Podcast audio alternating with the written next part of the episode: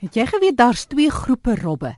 Die ene wat hulle noem oorlose robbe en dan die ander wat so klein stukkie oortjie aan sy kop het. Ek is nie die kenner nie, ek gesels nou met haar. Dis Karen Fives. Nou Karen is senior aquarium bioloog by Ushaka Sea World in Durban. En Karen, ons praat oor 'n besondere rob wat heeltemal uit sy omgewing uit is en daar by julle by Ushaka opgeland het. Dis 'n pragtige en ons het 'n foto van hom op ons webtuiste met die mooiste oë. Dis hy oë wat dit vir my gedoen het. Dis 'n suidelike olifant rob en julle het hom sommer ook gedoop selfso. Maar vertel ons oor robbe Karen. Soos ek sê, twee groepe, dit is wat jy my vertel het. Ja, ek uh, sê hierdie rob wat ons gekry het is is 'n suidelike olifantrop. Jy kry wel ook 'n noordelike olifantrop, maar hierdie suidelike olifantrop is is die groter ehm um, spesies tussen die twee en um, hulle kom oorspronklik in uh, sub-Antarktika en Antarktika se waters voor. So hierdie hierop is heeltemal uit sy um, normale migrasiepad en het um, op ons um, suidkus in um, KwaZulu-Natal gestrand by Southbrook. Nou praat nou van die groter ene. Die rop kan tot 3 ton weeg, maar hierdie rop was baie ondervoed en hy het maar swaar gekry om so ver uit sy waters uiteindelik by julle te kon land. Ja, dit is reg. Toe ehm um, hulle die toe die roep ont, ontdek het, ehm um, en na ons toe gekom het was hy ehm um, maar net 'n skrale 70 kg en vir sy ouderdom behoort hy nou omtrent tussen 180 en 200 kg te weeg. So uh, behalwe vir dat hy baie ondergewig was, was daar geen ander ernstige beserings aan hom nie en ons is nie seker hoekom het hy um, so in so slegte kondisie verval dat hy op die ou op die, op die strand uitgespoel het nie. Ons het hom hierso begin voer en um, hy eet nou daagliks 12 kg vis uh, wat stokvis is, sardyne en inkvis is en dit is ongelooflik. Um hy het al van die einde van Junie tot vandag toe um al 50 kg opgetel. So elke dag um tel hy 'n bietjie gewig op en is hy besig om te verbeter.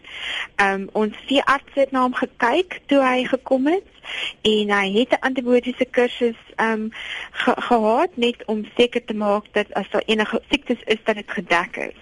Um in in sy natuurlike omgewing um spandeer hierdie robbe gewoonlik um 9 tot 10 maande um uit uit in die oop waters waar hulle dan jag en hulle jag dan vir vis en ook spesifiek inkvis.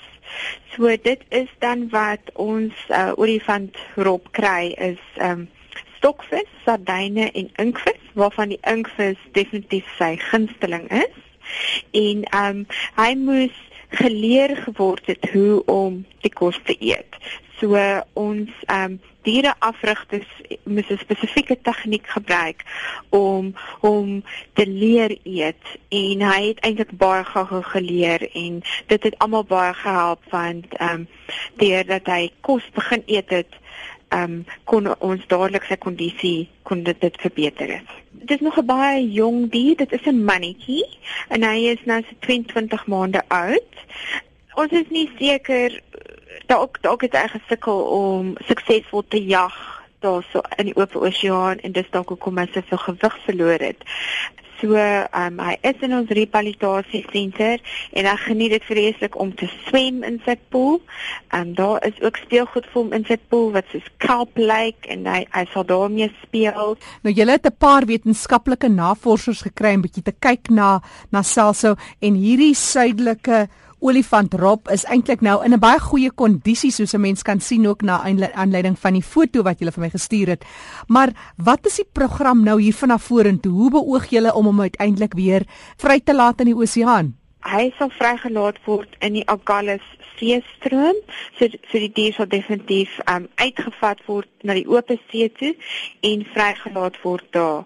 So daar's nou 'n verdere beplanning wat gaan plaasvind hoe om die dier nou weer reg te kry sodat hy in die oop oseaan op sy eie kan gaan weer oorleef. Intussen is hy daarom so 'n bietjie van 'n vermaaklikheids uh, ster daar vir julle en vir van die besoekers. Oud, ehm um, ons Salso is almal se gunsteling en almal se harte smelt net as hulle kyk na daai pragtige oë. Ehm um, hy is baie erg oor sy kos. So as etenstye 'n bietjie laat is, dan uh, begin hy te roep en um, en vir sy ehm um, diere hanteerders te sê dit is nou tyd om te eet. So hy is definitief almal se gunsteling en ek kry gereeld besoekers wat kyk hoe hoe gaan dit met hom en en sien elke dag hoe word hierdie klein robbietjie groter en vetter en gesonder. Maar as jy nou kyk na byvoorbeeld robbe oor die algemeen, watse interessanthede deel julle met ons? Julle het seker nou vinnig al die boeke moes nader trek. Ja, dit was baie belangrik om seker te maak dat die rob reg geïdentifiseer was, wat natuurlik ook dan belangrik is vir sy toekoms en waarop hulle die besluite gebaseer het waar die dier sou kan vrygelaat word. En dan om seker te maak dat ons die regte kossoorte kan gee uh, vir die dier want ons moet 'n bietjie weet van wat is die natuurlike biologie van die diere. Ehm um, iets wat baie interessant is is dat selfsou is 'n mannetjie. Hy gaan tot ehm um, amper tot 4000 kg kan word as hy uh, volwasse is. En dan gaan daai pragtige gesiggie van hom gaan verander en daai neusstruktuur gaan soos 'n olifant se slurp raak. En dit is dan baie kenmerkend van die mannetjies. Hoe lank is so 'n slurp omtrent? So sy sy slurp so so afhang tot net so verby sy mond. Ehm um, en en dan dan staan hulle so op as die mannetjies net mekaar veg om om dan nou hulle koppe en hulle dik nekke so ten toon te stel tydens die apaarseisoen. Hmm, dis nou interessant. En waar kom hulle tradisioneel voor? Ehm um, dis 'n baie wye area sub-Antarktika en die Antarktika waters. Salso is heeltemal uit sy natuurlike waters. Hy leef in baie kouer waters, dis die dat ehm um, hy baie spek of vet om hom het om hom te kan beskerm teen die koue. En ehm um, wat ook anderste is van van hierdie groep robbe is dat hulle spandeer baie meer tyd in die water waar ander robbe sal langer tye op land op hulle land en eilande spandeer waar hulle broei. Julle kon nie agterkom of dit dalk van die mensgemaakte invloed, jy weet die omstandighede wat ons partykeer skep in die oseaan, dat selfs so so misplaas kon wees nie.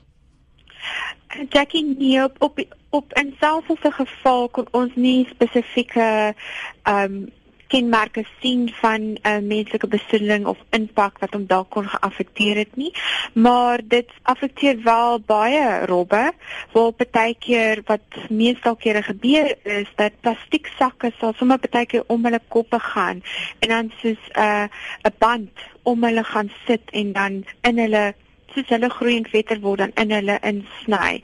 Dit is 'n groot probleem vir al die plastiek verpakkings, um stukkies en so aan wat hulle dan so in hulle kan vasgevang word.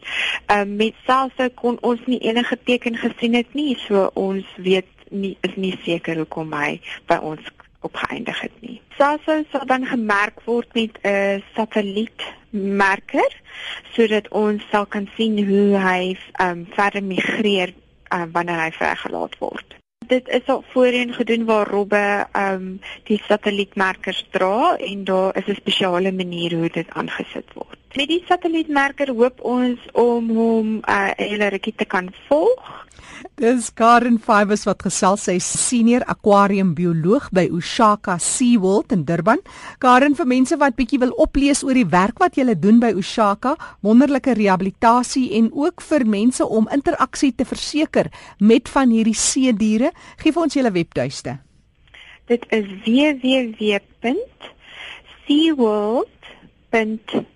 www.seaworld.org.za Net weer hy webtuiste www.seaworld.org.za en baie dankie Karen vir jou tyd en voorspoed met al die werk wat jy doen met Celso, die suidelike olifant Rob. Ek wens ek was daar om hom te kan sien. Ek hoop hy's nog Desember maand daar as mense bietjie kom kuier. Uh Jackie ons sal ons sal moet sien. Net weer hy webtuiste van Karen hulle www.seaworld.org.za